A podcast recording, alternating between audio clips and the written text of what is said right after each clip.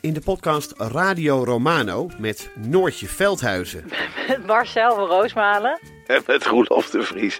brengen we alle drie elke week een zogenaamde signalering mee. Wat heb jij nou weer bij je? En aan het eind bepalen we wie de winnaar van de week is. Echt een angstcultuur Lege huls die je er bent? Ja, dat gaat eigenlijk altijd onvriendelijk. Luister nu naar Radio Romano bij Podimo. Via podimo.nl slash Radio Romano luister je 30 dagen gratis. Kijk, het gesprek begon ogenschijnlijk over het onrecht dat mensen wordt aangedaan als er zo'n vernietigende recensie wordt geschreven. En wat dat met mensen doet. Ja. Daar leek het gesprek over te gaan.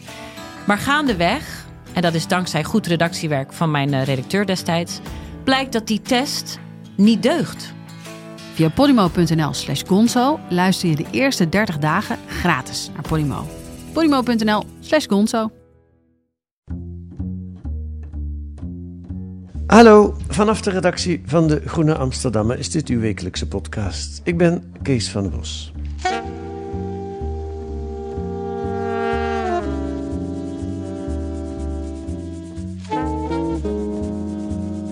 Het is weer verkiezingstijd.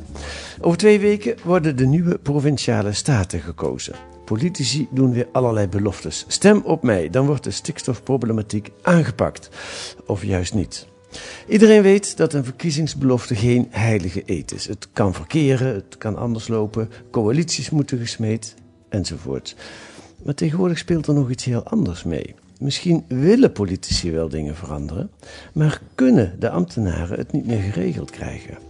Er is een groot tekort aan inhoudelijk deskundige ambtenaren. Koen van der Ven, Emiel Woutersen en Joris Veerbeek vonden een originele manier om dat te onderzoeken.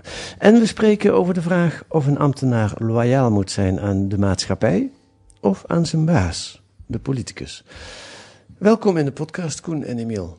Dankjewel. Ehm, ja, hoe onderzoek je of er nog voldoende gekwalificeerde ambtenaren zijn? Want dat was het probleem wat jullie eh, eh, stelden, hè?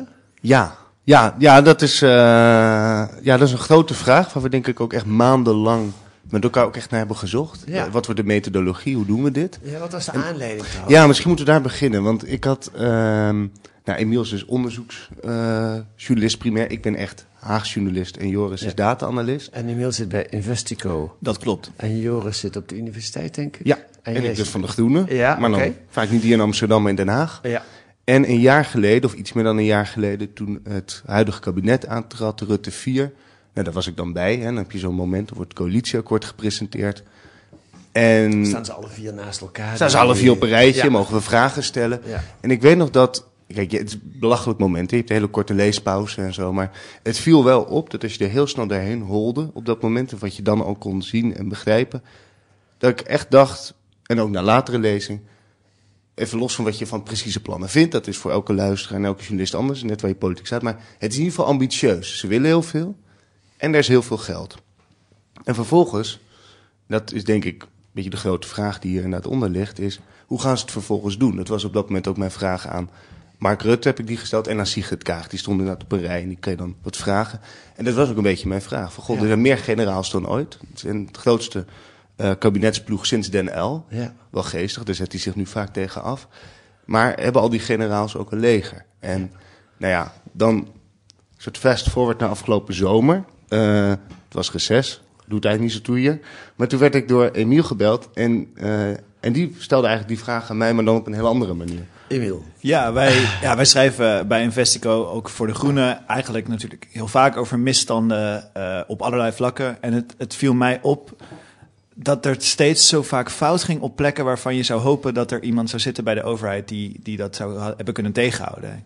Corona is daar een, een, een, het voorbeeld van waar je toch hoopte dat er misschien bij het ministerie van VWS, waar ik ook met collega's over heb geschreven, dat daar wat meer expertise zou zitten op het gebied van pandemieën. Nou, dat bleek niet het geval. En zo zijn er heel veel dingen. Ook het stroomnet, dat blijkt niet geschikt voor, zonne, voor zonne-energie. Dat blijkt te, dat niet, eh, niet te staat te zijn om al die elektriciteit te verwerken. En ik had op een gegeven moment zoiets van, ja, werkt er nog wel iemand bij de overheid die iets kan? En dat is natuurlijk een beetje een gechargeerde vraag en ook niet een, niet een vraag die je kan onderzoeken. Maar um, nou, ben, ben met collega's wat over gehad. En ik luisterde toen een podcast, uh, Stuurloos. Hij komt volgens mij later nog terug. Zeker, ja. Um, waar uh, iemand zat, een overheidsadviseur, IT-persoon. Bert Hubert heet hij. Hij zit ook in het stuk.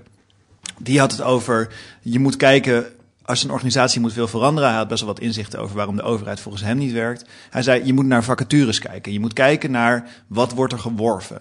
Dan, als je wil zien of een organisatie verandert, moet je gewoon kijken, wat, wat zoeken ze voor nieuwe expertise. En toen dacht ik, nou, laat eens kijken of, dat er, of, of ik daar iets mee zou kunnen. Dat is een originele. Precies. Of tenminste, dat, dat bood een, een, een, inval, een nieuwe invalshoek. Ja. En alle overheidsvacatures, of bijna alle overheidsvacatures, die staan verzameld op één website. Die heet werkenvoornederland.nl. En toen ben ik daar eens gaan kijken en toen stond, dat er, stond er een nummer van de helpdesk. En ik dacht, ja, ik kan de persvoorlichter gaan bellen, maar ik kan ook de helpdesk bellen. Um, en ik kreeg een hele aardige man aan de telefoon die meteen geïnteresseerd was. Ik denk niet dat hij heel vaak gebeld werd door journalisten. Die meteen heel, eigenlijk heel enthousiast zei van, nou ja, dat, dat is er wel. En, en eigenlijk wilde ik aan hem vragen, hebben jullie hier een register van? Want dan kan ik het wobben. Dan kan ik een, een, een openbaarheidsverzoek doen. Uh, maar dat was helemaal niet nodig. Uh, en na best wel wat heen en weer bellen wel. En uh, met heel veel samenwerking ook van het ministerie van Binnenlandse Zaken. En daar, Absoluut. Dat is echt, ja. echt heel fijn. Ja. Kregen we al die vacatures. Je hebt niet eens hoeven te wobben. Je kreeg We hebben het niet hoeven wobben, nee. En nee, dat is best wel een, een prettige... nog, we kregen het met... En we hebben ook wel een paar afspraken daar nog aangelijmd. Van, dan willen we ook echt zeker weten dat we compleet zijn. Dat we alle velden hebben. Ja. Um, nou, we vroegen ons inderdaad ook wel af. Er zaten gewoon een paar dingen in dat we dachten, is de piek die we zien, klopt die? En daar waren ze eigenlijk, vond ik, heel meegaand in. Ook Enorm. met het nasturen Ja. en heel compleet aanleveren Ja. van data. Dus Ja. dat was eigenlijk wel leuk. En zij vonden het ook heel leuk. Het zijn natuurlijk ook mensen daar die, die ook in, de, zeg maar, diep ergens in de overheid naar wervingsdata zitten te kijken. Ja, het is dan best wel leuk als je een keer door een journalist gebeld wordt die ook precies daarin in alle kleine subvragen daarover Ja. geïnteresseerd is. Ja. Dus, eh, Voordat we verder ja. gaan, want dan, dan gaan we into eh, de cijfers dadelijk. Maar ik wil even, even Ja. de, de aanloop schetsen. Want ehm, eh, dat lees ik in jullie stuk. Er waren eerst in Nederland in 2010 ongeveer, waren het er iets van 147.000, of dat lees ik niet het stuk, maar dat heb ik in, in het gesprek met jullie gelezen, iets van 147.000 rijksambtenaren. Ja, dat is nog wel inclusief de ZBO's. Dus het precieze getal ligt iets lager. Ben ik, dat is ongeveer 114, zeg ik uit mijn hoofd. Zoiets. Ja, 114. Ja. Oké, en toen is er in 2010, of eigenlijk is het eerste kabinet Rutte gekomen. Eh, maar het was eigenlijk al in het kabinet daarvoor, hè, Ja, onder Balken en Balkenende, de Vier. ja. Dus, en dat is namelijk ook wel interessant. Het is links en rechts. Alle partijen waren toen van mening, het is een logapparaat en er moet ingesneden worden. ja, zeker. Klassiek hebben we allemaal geleerd. Ja, Rechts wil een wat kleinere overheid en rood een wat grotere. Of Ja. links een wat grotere. En Ja. dat is niet, dat laat ik zeggen, in de zeer recente parlementaire geschiedenis gaat dat niet helemaal op. Je ziet Nee. dat die wens leeft heel breed, er staat breed in eh, politieke programma's. En op het moment dat ze met elkaar zitten te formeren, ja. Is dat dus ook helemaal niet een heel controversieel thema. Nee. Nou, en het zit ook groot in de regeringsverklaring van eh, Rutte, zijn eerste kabinet. In 2010, dat gedoogkabinet, u weet nog wel, van CDA en VVD, maar met eh, de grote gedoger in de Tweede Kamer, Geert Wilders. Ja. Nou, en Rutte formuleert het in de regeringsverklaring zo. Om de forse bezuinigingen te realiseren snijdt het kabinet ook stevig in eigen vlees. We willen een kleinere en vooral ook efficiëntere overheid. Er zullen keuzes gemaakt moeten worden. De overheid is op onderdelen taken gaan uitvoeren op te veel verschillende niveaus, zonder zich af te vragen of er ook taken af kunnen. Nederland leidt aan bestuursobesitas en het is hoog tijd dat we de overheid op dieet zetten. Bureaucratie is een belasting op groei. Die laatste, daar zou ik nog wel even filosofisch over na willen denken. Bureaucratie is een belasting op groei. Maar overheidsobesitas, dat is duidelijke taal. Eh, we moeten op dieet. Ehm, en sinds die tijd, jullie zeiden net het getal van 109.000 waren er in 2010. Eh, het dieptepunt was in 2015. Toen waren er een heleboel minder. We- eh, hoeveel waren er toen, weet je het? Volgens mij waren het er ongeveer 114.000 in 2010. Ja? En het dieptepunt is ongeveer vijf jaar later, inderdaad, waar het on- ongeveer 108, 109 waren. 108 of 109.000 moet ik zeggen. Ja. En daarna begint het eerst gestaag en daarna vrij hard toe te nemen. Ja, onder Rutte 3 zie je al langzaam een kentering ontstaan. En bij Rutte 4, met dus dat hele grote kabinet, zie je eigenlijk het helemaal door het plafond gaan. En Maar door, door ons onderzochte periode, misschien moet ik het gewoon zo zeggen, is makkelijker, zien we een verzesvoudiging Ja. van het aantal vacatures, dat wordt gezocht. Ja. Dus de zoektocht Ja. explodeert in ieder geval. Absoluut. Ja. Maar de, de, de, wat- wat me ook opvalt, is dus van 114 in 2010 naar 100, wat zei je, 9, 108 in Ja. 2015. Dat is niet echt heel spectaculair, die daling. Dat klopt, maar tegelijkertijd eh, groeit de bevolking in de tussentijd. Ja. En ehm, zijn er vooral ook heel veel. eh, je ziet dat in die jaren dat het overheidsbestand ook een stuk ouder wordt.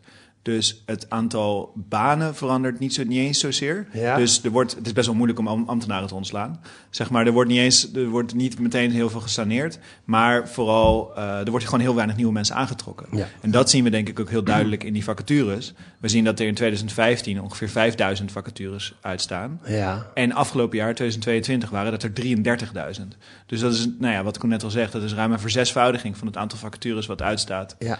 eh, per jaar. En komt dat omdat er ook echt meer mensen geworven worden? Of komt dat omdat dezelfde vacature steeds maar blijft staan omdat die niet vervuld kan worden? Ehm, meestal het eerste. Het is moeilijk om te corrigeren voor het tweede. Al die vacatures krijgen een, het wordt een beetje technisch hoor, maar al die vacatures krijgen een apart nummer, een soort Ja. identificatienummer.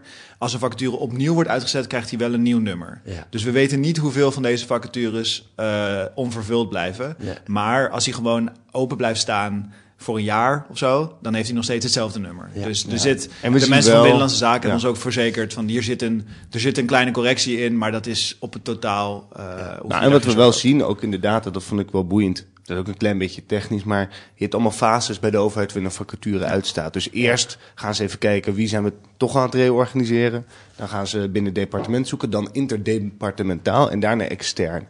En waar je ziet dat vroeger ze eigenlijk het heel snel kon je het oplossen, zien wij eigenlijk dat de vacature veel sneller naar die andere categorieën schuift. Wat Ja. voor ons een proxy is dat die langer heeft ge, eh, opengestaan. Ja. Ja. Nou ja, dat, is, dat konden we wel nagaan. Ja. Dus die trend die er ergens uit 2008, 2009 ingezet is, 2010 door Rutte 1, die is al lang omgebogen. We, er moeten weer ambtenaren bij. En het is ook, er zijn allerlei signalen geweest de afgelopen jaren eigenlijk, de afgelopen maanden, dat er een groot probleem is tussen wat de politiek wil en wat de ambtenarij kan. De Belastingdienst is daar een voorbeeld van. De toeslagenaffaire was daar een voorbeeld van. Ja. Ehm, eh, goed, dan hebben jullie. De eerste conclusie heb je al gezegd. Het is een enorme toename. Er, zijn, er wordt enorm geworven. Maar er is nog een andere interessante conclusie die jullie trekken. En Ja. het gaat over politieke sensitiviteit. Ja, en daar gaat het specifiek over. Daar hebben we gekeken naar een specifieke groep ambtenaren. Want dat Ja. is ook nog wel belangrijk om te zeggen. Die 33.000 vacatures, dat betreft dus iedereen die door de Rijksoverheid geworven wordt. Dus dat gaat ook om ehm Bali-personeel. Ja. Of eh, de beveiliging, Ja. voor zover die Ook, niet ook matrozen, zag ik er staan. Matrozen zitten ertussen, voor Rijkswaterstaat Voor bijvoorbeeld. Rijkswaterstaat, ja. Eh, dus, dus dat is natuurlijk, als je, als je naar zo'n zo'n enorme hoeveelheid data gaat kijken, ja, dan middelt eigenlijk alles uit. Ja. Zeg maar, dus je moet op de een of andere manier nadenken over hoe vinden we hier een relevante subset in. En voor die vraag van, van lukt het nog wel en voor die vraag van is er nog wel voldoende expertise, uiteindelijk kwamen we erop uit, we moeten naar de beleidsambtenaren gaan kijken. Ja. Dat zijn dus de mensen die op ministeries, veel op ministeries werken en die eigenlijk het beleid vormgeven en, en ook na, nabij de minister staan. Ja. Dus, En de En- achtergrond daarbij, dat is misschien goed om nu ook al te vermelden, is Mhm. dat politieke sensitiviteit, dat gaat eigenlijk ook over dingen als de minister uit de wind houden. En het gaat niet per se zoiets van hoe, moet je, hoe kun je dit het beste uitvoeren. En die druk, eh, dat, daar zijn verschillende signalen van gekomen vanuit de ambtenarij, de- dat de politieke druk op hen Ja. afgelopen jaar toeneemt. hè. Klopt, Dus dan, absoluut. maakt het extra relevant om dan naar zo'n zo'n eh, zoiets als politieke sensitiviteit te, ja, te- en Ja. dat viel ons ook op, denk ik, als wij naar die vacatures keken. Want je gaat natuurlijk eerst, kijk, we hadden 130.000 vacatures in een, in een, eh, in een, data, in een eh, databestand staan. Ja. En wat je als eerste gaat doen is gewoon kijken. En het zijn er natuurlijk veel te veel om allemaal door te nemen, of zelfs om maar een klein deel door te nemen. Maar het viel ons een wel beetje flow in organisaties. Wat, wat denken we nou Ja. dat landbouw heeft gedaan? Weet je, Precies. Wat, hebben zij gezocht? Eh, gewoon een beetje door, door grasduinen. En, Ja. en het viel ons daarbij op van het, dat het wel heel vaak voorkwam, dat politieke sensitiviteit. En het was ook, en wat je net ook al zegt, het is een controversieel thema onder ambtenaren ook. Want het is inderdaad een beetje symbool komen te staan. Kijk, sensitiviteit kan er niet tegen zijn. Eh, liever iemand die sensitief is dan niet, toch? Ja. Maar het is symbool komen te staan voor inderdaad de ambtenaar die zijn minister uit de wind houdt ten koste van alles. Ja. Ja. En die bijvoorbeeld ook bijvoorbeeld documenten niet doorspeelt. Of die, die Nou, of die documenten niet, doorspelen, ik wil dat even markeren. Vorige week Groningen, hè, eh, eh, enquêtecommissie. Ja. Een van de bevindingen is, eh, dus cruciale documenten zijn door ambtenaren weggehouden bij bewindspersonen. Ja. Nou, daar kun je gewoon, dat is een, eh, nou, om het terug te vertalen naar die term, die waren misschien iets te politiek sensitief. Ja. Wat dus daar zit wel de gevoeligheid, dat er ook bij de toeslagenaffaire gezien. En Ja. wat, wij, wat ons trouwens, naast dat het er vaak in voorkwam, ook opviel, het is heel vaak de eerste geformuleerde competentie. Ja. Dus het is ook nog gewoon, het begint er zo'n beetje mee. Dat moet je vooral hebben. Dat moet je vooral kunnen. Maar Ja. even dan over die, die parlementaire enquête eh, Groningers boven gas. Ik weet niet of die zo heet, maar dat was wel de... de Ja, ja zo, zoiets, ja, boven Ja. gas, zoiets. Ja, Ja. Ik ben ook, ja. Ehm, ehm, dat, dat, dat, viel mij ook op inderdaad. De Tweede Kamer en soms zelfs minis- minister is niet goed geïnformeerd door de ambtenaren. Eh, maar heb je dat al kunnen lezen? Heeft dat ermee te maken dat ze dan... Kijk, ik kan me voorstellen, soms wil de minister dingen liever niet weten. Of de, de, de- normaal zou je zeggen, de minister moet alles weten wat Ja. relevant is. Maar soms is het handig om dingen ook niet te weten. Want dan kun je ook niet, draag je ook niet de verantwoordelijkheid voor het Ja. feit dat het fout gaat. Ja, nou ja, daar zit inderdaad denk ik de... Kijk, ja, nou, misschien moet je de klassieke rollenscheiding tussen politiek, eh, politicus en ambtenaar is eigenlijk dat... In een soort ideale wereld zou je willen dat de politicus gaat gewoon over waarden. Die maakt beslissingen, die maakt keuzes namens ons. Ja. En de ambtenarij zou eigenlijk moeten gaan gewoon over feiten, Ja. over informatie. En eigenlijk alles moet aandragen zodat die keuze zuiver daar wordt gemaakt. En wat je eigenlijk ziet, ehm, het zit een beetje denk ik naslip van die hele belofte over nieuwe bestuurscultuur, is dat ambtenaren zich steeds vaker hardop beklagen. eh, in diverse interviews vanaf diverse podia, over een rolvermenging daar. Van, wij worden eigenlijk steeds vaker een verlengstuk van die politiek. En niet de het verlengstuk dat zeg maar, de informatie kon brengen, maar ook het verlengstuk dat eh mede verantwoordelijk is voor dat het goed gaat met de minister. Zoals je, zoals je terecht zegt, het uit de wind houden. Ja. En nou ja, in die hele discussie is die term politieke sensitiviteit ook echt geproblematiseerd. Ook de ambtenaren zelf. En met name de dominantie ervan. Je zou namelijk zelfs nog kunnen zeggen: Goh, misschien is het helemaal niet zo gek dat je binnen een ministerie, want die werelden moeten elkaar toch ontmoeten, dat er zeker aan de top een paar mensen zijn die politiek sensitief zijn en die die vertaalslag maken. Ik denk de vraag die wij opwerpen, hier tussen de regels door met het onderzoek wat we doen, is: is het nou echt zo belangrijk dat op bijvoorbeeld het ministerie van Economische Zaken 63% van alle beleidsvacatures deze sensitiviteit vereist?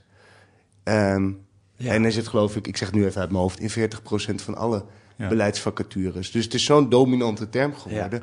Waarvan je ook kan afvragen, ja, is dat redelijkerwijs de verhouding die je zoekt? En het geldt ook voor, het geldt niet alleen maar voor de directeur. Hè? Kijk, dat de directeur van een ministerie of de directeur-generaal, of dat die politiek sensitief is, die, moet, die heeft direct contact met de minister. Maar dit zijn gewoon, gewoon tussen aanhalingstekens, de beleidsambtenaren. Dit zijn de mensen Ja. die in die toren zitten en nadenken over hoe die keuzes uiteindelijk vorm moeten krijgen in de samenleving. Ja. En ja, daar zie je, en daar hebben we met, eh, met Joris, die dus eh, heel goed is met data, eh, zijn we, al, zijn we zeg maar, alle verschillende formuleringen hiervan ook langs gegaan. De politieke antenne, Ja. je snapt het politieke spel. Je Ja. weet hoe de ambtelijke molens draaien. Ja. dus er zitten, die zitten trouwens niet in, want dat is niet een politieke term. Maar, eh, maar dat, soort, dat soort formuleringen zijn we nagegaan. En dan zie je dat het vrij constant blijft. 40% van de ambtenaren, de hele, door de tijd heen. Ja, het is inderdaad. Goed, het wordt tijd voor voorbeelden. En we hebben voorbeelden, want er zijn de afgelopen weken een paar leuke podcasts uitgekomen die, ehm, waarvan ik nu er twee ga gebruiken.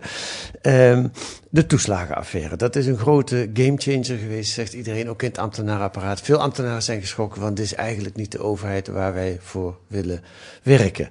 Eh, dit is zo gruwelijk fout gegaan, dat wil eigenlijk niemand. Gek genoeg is het toch gebeurd, dus dat, dat vereist dan nog wel enig eh, onderzoek. En in dat kader is het interessant om te luisteren naar Sandra Palme. En Sandra Palme is de mevrouw, moet ik even mijn neus van de motie eh, van de, no- de notitie Palme.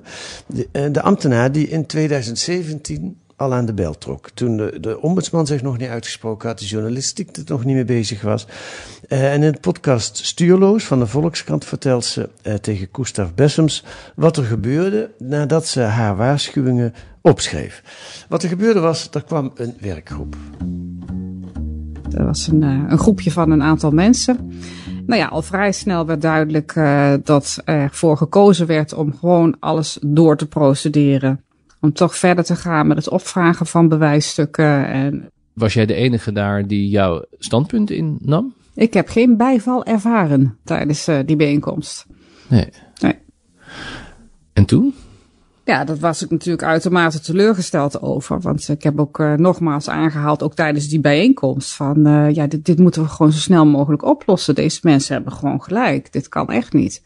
Uh, sowieso worden hier grondwetten ja, geschaad. Hè? De rechten van mensen, dat, dat, dat kan gewoon niet.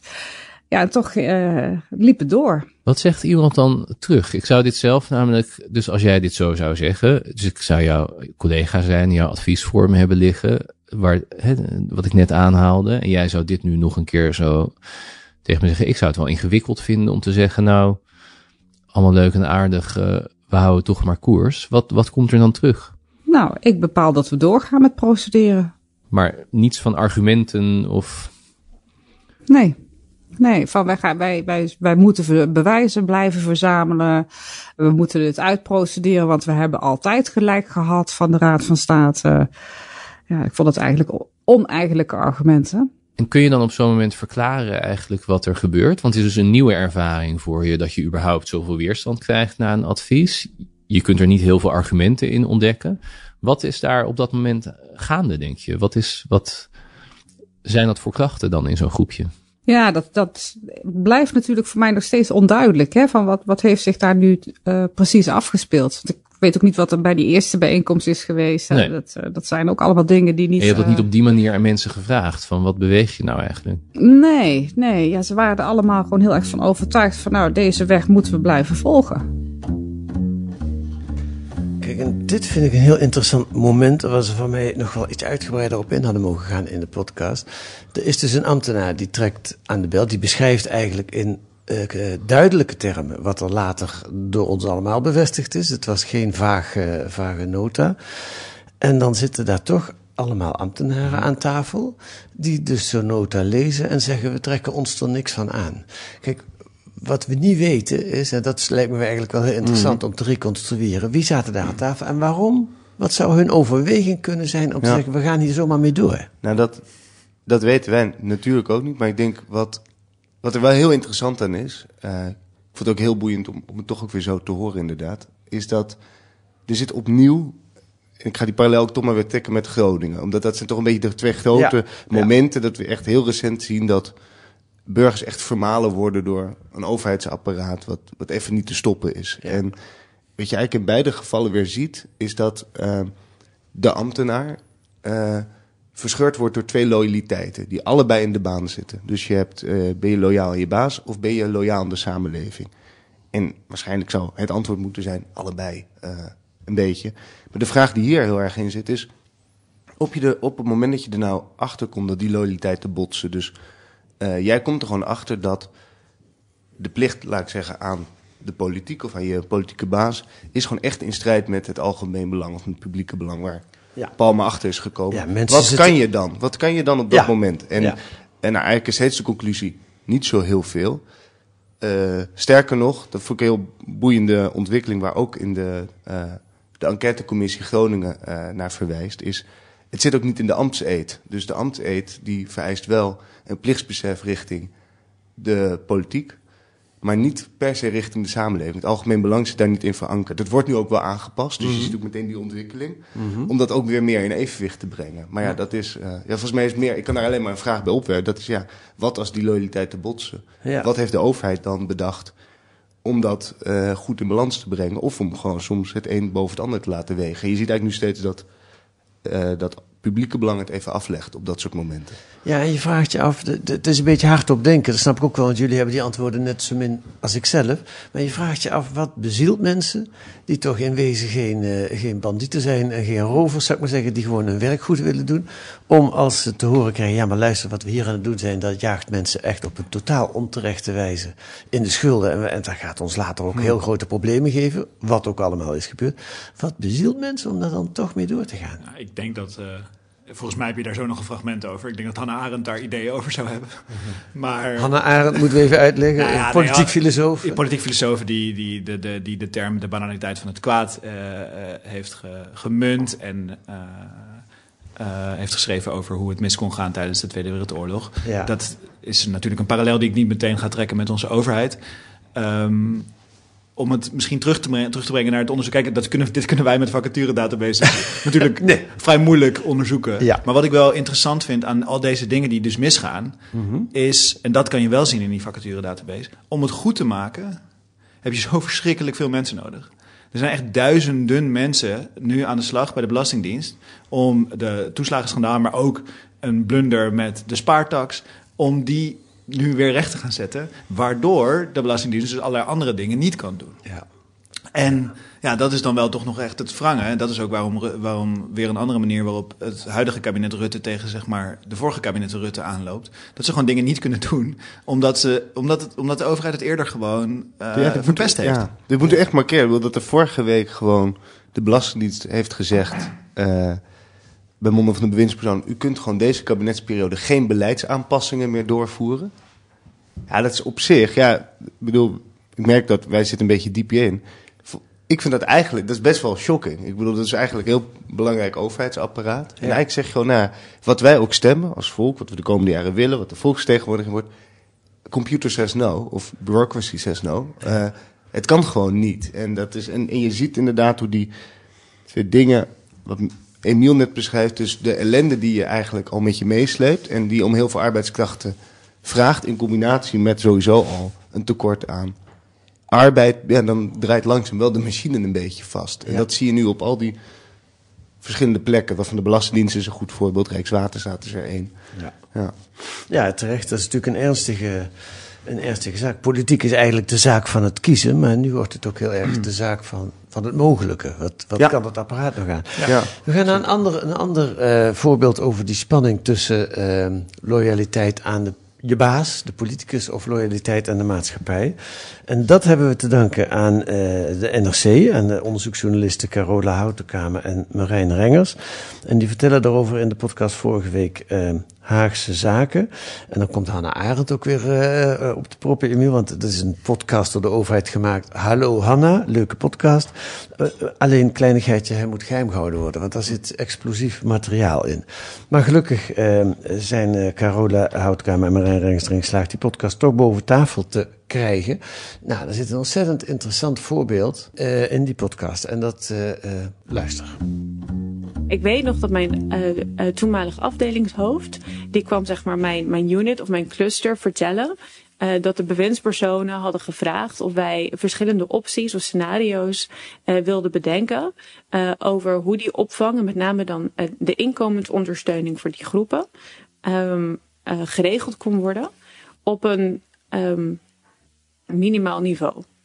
Dus de opdracht was om zo minimaal mogelijk iets te bedenken, een regeling specifiek voor deze groep vluchtelingen, ehm, waardoor ze dus wel voldoende zouden hebben ehm, als het gaat om een sociaal minimum, Ehm, maar het liefst natuurlijk zo weinig mogelijk. We worden hier gevraagd om specifiek voor één groep, dat, dat mag al niet, iets te gaan ontwikkelen dat hun waarschijnlijk niet gaat helpen. Nou, er werden al meteen wat scenario's bedacht en op tafel gegooid. Dus heel veel mensen gingen direct in brainstorm-modus. Op zich, nou ja, mo- mooie kwaliteit dat je dat hebt. Maar wat me meeste bijstaat is dat er even niet een time-out werd gezet van wacht even, we hebben een grondwet. Toen ik dus mijn hand opstak en dacht van ja, maar jongens, wacht even. Ehm, ik weet niet of ik dit goed begrijp, maar volgens mij gaan we hier een verkeerde kant op. Eh, moeten we niet eerst even teruggaan? Dat mij toen werd gezegd, we hebben gewoon iets uit te voeren. Dit is een politieke opdracht. Dus dat is je plicht. Dat mij echt werd gewezen op mijn plicht als ambtenaar. Dus ga niet lastig doen. Je hebt een plicht om, om iets uit te voeren. Eh, dat het vervolgens wel is aan de bewindspersonen om die verschillende scenario's daar dan een keuze in te maken. Kijk, dit is een heel, vind ik, heftig voorbeeld. Het is 2015, er komen enorm veel vluchtelingen naar Nederland, waaronder veel Syriërs. Eh, en, en dan wordt aan zo'n ambtenaar gevraagd, probeer eens iets te bedenken dat die Syriërs wat minder geld kunnen geven. Nou, dit is een typisch voorbeeld van een loyaliteitsconflict, hè? Ja, absoluut. En wat moet je dan? Zelfde botsing. Ja. En, en, en, en, en wat doet dan een politiek sensitieve ambtenaar? Nou, die gaat brainstormen, wat zij vertelt. Ja, ik denk dat het hetzelfde voorbeeld is als wat wij... Of nu is het niet hetzelfde voorbeeld natuurlijk... maar een heel vergelijkbaar voorbeeld met waar we het net ook al over hadden. Het is uh, de ambtenaar die gaat brainstormen... of de ambtenaar die, vraagt, die zegt... is dit niet in strijd met de grondwet? Ja. En nou ja, de, de politieke sensitiviteit is eigenlijk symbool komen te staan... voor die eerste ambtenaar. Ja. De brainstormende ambtenaar die aan de slag gaat. Ja. Nou, je vroeg ook net van waarom, waarom gebeurt dat dan toch? Hoe kan het nou dat in zo'n kamer vol mensen... en ik vond dat we hebben een bestuurskundige. We hebben heel veel bestuurskundigen trouwens gesproken voor dit stuk. Maar er is er één die uh, wat ruimer aan het woord komt ook in de tekst. Is Caspar uh, uh, van den Berg. En die schetst dat wel mooi. Hij is sociologisch. Hij zegt, ja, als je nou werkt in een... Iedereen die in een soort ook hiërarchische structuur werkt... wat de ambtenarij uiteindelijk ook is... met allemaal schalen en posities. En iedereen kijkt altijd omhoog. Uh, van ja, hoe kom ik daar? Hoe kom ik, hoe kom ik nou hoger op in zo'n organisatie? Nou, en wat je dan ziet is dat um, hoe politiek sensitiever die top is, die dat ook moet zijn, hoe meer de onderkant dat ook wordt. Want ja, dat is een beetje waar je voorbeeld aan neemt, want dat is het, uh, nou niet eens impliciete, misschien wat expliciete voorbeeld van wat je moet zijn om daar te komen. Ja, en dat zie je daarbij. Dat zie, het is trouwens ook een verklaring, dat was nog een ander deel van het onderzoek, waarom um, we hebben heel erg gekeken van hoe zit het nou met de inhoudelijke expertise op met name weer de ministeries. Mhm. En hoe zit de verhouding, we hebben dat in het stuk specialist en generalist genoemd eruit. En dan zie je eigenlijk opnieuw dezelfde verklaring. Als je wil groeien in zo'n ambtelijke toren, dan kun je maar beter hele generieke vaardigheden hebben. Dan ben je wendbaar, ben je flexibel, kun je overal worden ingezet. En dan is, laat ik zeggen, nou ja, misschien wel... Nou goed, nu chargeer ik een beetje richting het voorbeeld, maar de ongelooflijk, uh, uh, uh, degene die enorm bezig is met de grondwet en hele zware principes, ja, die legt dat daar wel af ja. in dat conflict. Ja. ja, maar dat vind ik wel interessant, wat je net zegt. Je zegt eigenlijk, um, in de top gebeurt het al. Ik vertaal dat dan, tegenwoordig wordt aan de minister en de staatssecretaris een hele grote publicitaire eis gesteld. Er is enorm veel pers, hijgt hem in zijn nek, sociale media. Het gaat allemaal in een enorm Hmm. tempo. Dus de, de belangrijkste politieke kwaliteit van een uh, minister of een minister-president is misschien niet meer hoe goed is hij uh, inhoudelijk op de hoogte van alle regelingen van sociale zaken, maar hoe goed, hoe kan hij snel reageren op, op brandjes die nou, er ontstaan. En wat ik denk wat Koen zegt, was, is denk ik nog een stap verder. Namelijk dat het niet alleen maar geldt voor de minister of de staatssecretaris. Want ik hoop dat de minister wel politiek sensitief is. Dat is dienstbaan. maar uh, dat geldt ook voor de hoge ambtenaren. Ja, het gaat dan en, ook meer gelden voor de hoge Precies. En, en dat is denk ik het probleem. Die ja. zou juist dat, dat, dat grondwettelijk geweten... of die zou moeten zeggen van... nou, dit, dit kan eigenlijk niet, dit moeten we niet doen. Ja. Of die zou in ieder geval de minister alle informatie moeten geven... Ja. Uh, als er iets misgaat. En daar zie je dat uh, dat, dat nou ja, in die top, daar is ook al veel over geschreven, over de Algemene Bestuursdienst, waar, waar topambtenaren uh, onder moeten roleren. Dus die zitten nooit lang op één ministerie. Waardoor in feite ze... is dat ook een voorbeeld van uh, generalist. Zijn. Zeker, absoluut. absoluut ja. ja. En, en het interessante daarbij is dus dat uh, recentelijk uh, in het regeerakkoord van Rutte 4 staat dat topambtenaren meer inhoudelijke kennis moeten opdoen. En dat ze, willen, uh, dat ze roleren willen verminderen. En in, die, in dat licht is het wel echt interessant dat wij hebben gevonden dat er in ieder geval voor die beleidsambtenaren, dus zeg maar dat, dat kader eronder, dat daar zeker niet meer gefocust wordt op ja. inhoudelijke kennis of ervaring. Sterker nog, minder. Ja. Dat daalt elk jaar daalt het, het percentage, ja, wat wij dan specialistische beleidsfuncties hebben genoemd. Dus, dus tot slot, om te concluderen, ik ga je niet vragen hoe dit probleem opgelost moet worden. Ja, niet. maar wat je wel kunt concluderen, vind ik, na het lezen van jullie stuk, of dat leg ik jullie dan voor, is dat de, er is een soort sprake van een soort crisis tussen de ambtenarij en, en de politiek. De toeslagenaffaire Groningen zijn daar de majeure voorbeelden van. Hmm. Uh, maar er zijn andere voorbeelden ook. Het opstappen van de ambtelijke staf in de Tweede Kamer. Het conflict tussen de secretaris-generaal op het ministerie van Economische Zaken met de minister. De secretaris-generaal is opgestapt. Uh, er is wel een soort crisis. Ja, tegenwoordig heet alles crisis, maar er is Hmm. wel iets aan de hand. Maar de, het vacaturebeleid, zoals jullie dat onderzocht hebben, gaat nog totaal niet richting oplossing. Nee. Nee, nee, ja, nee. Terwijl de wens naar het vervullen van die vacatures gigantisch is. En daar mag ik nog één ding aan toevoegen, omdat Ja? dat iets is waar Emiel en ik gewoon echt somber van werden gedurende dit proces. En dat heeft opnieuw te maken met dat idee politieke keuzes maken. Dat, weet je, daar gaan we voor stemmen en daar kunnen we over debatteren en dat soort dingen. We zien nu, kijken we aan tegen een moment waarop je eigenlijk ziet dat de politiek niet opbotst tegen uh, onwil, maar tegen onvermogen. Dus dingen kunnen al niet meer.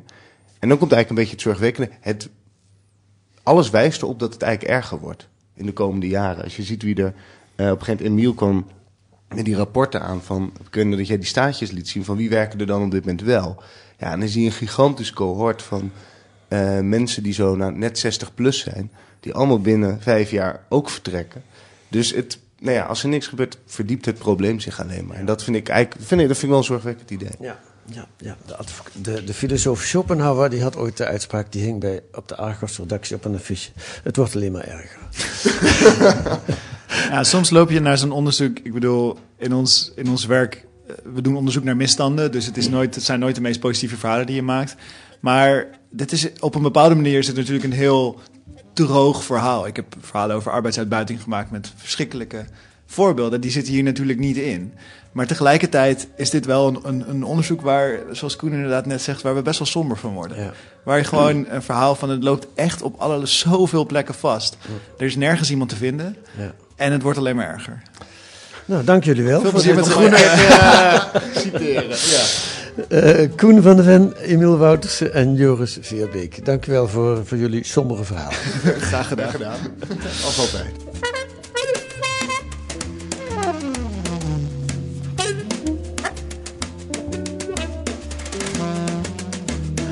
Um, wat staat er nog meer in De Groene deze week? Een onderzoek naar de Duitse energietransitie. En die vergroening van Duitsland wordt dwarsgezeten door, puntje, puntje, puntje, Nederland. Want dat blijkt het Duitse stroomnet uh, grotendeels te beheren. En wat nog meer, een interview met de Turkse schrijver en Nobelprijswinnaar Orhan Pamuk. Dat kunt u lezen met een abonnement of een proefabonnement. Ga dan naar groene.nl, daar wordt dat allemaal uitgelegd. Wilt u iets uh, zeggen over deze podcast, dan kan dat via de mail. podcast.groene.nl is ons adres. podcast.groene.nl. U mag ons ook sterren geven of een recensie in uh, uw podcast-app. Dat helpt om nog meer luisteraars te krijgen. Volgende week zijn we er weer. Misschien met een iets minder somber verhaal, maar ja, dat weet je nooit zeker van tevoren. In elk geval met weer een auteur van een artikel in de Groene Amsterdammer. Deze week werd de podcast gemaakt door Anna Stibbe en Kees van der Bos. En de muziek is zoals altijd de tune voor N van Paul van Kemenade.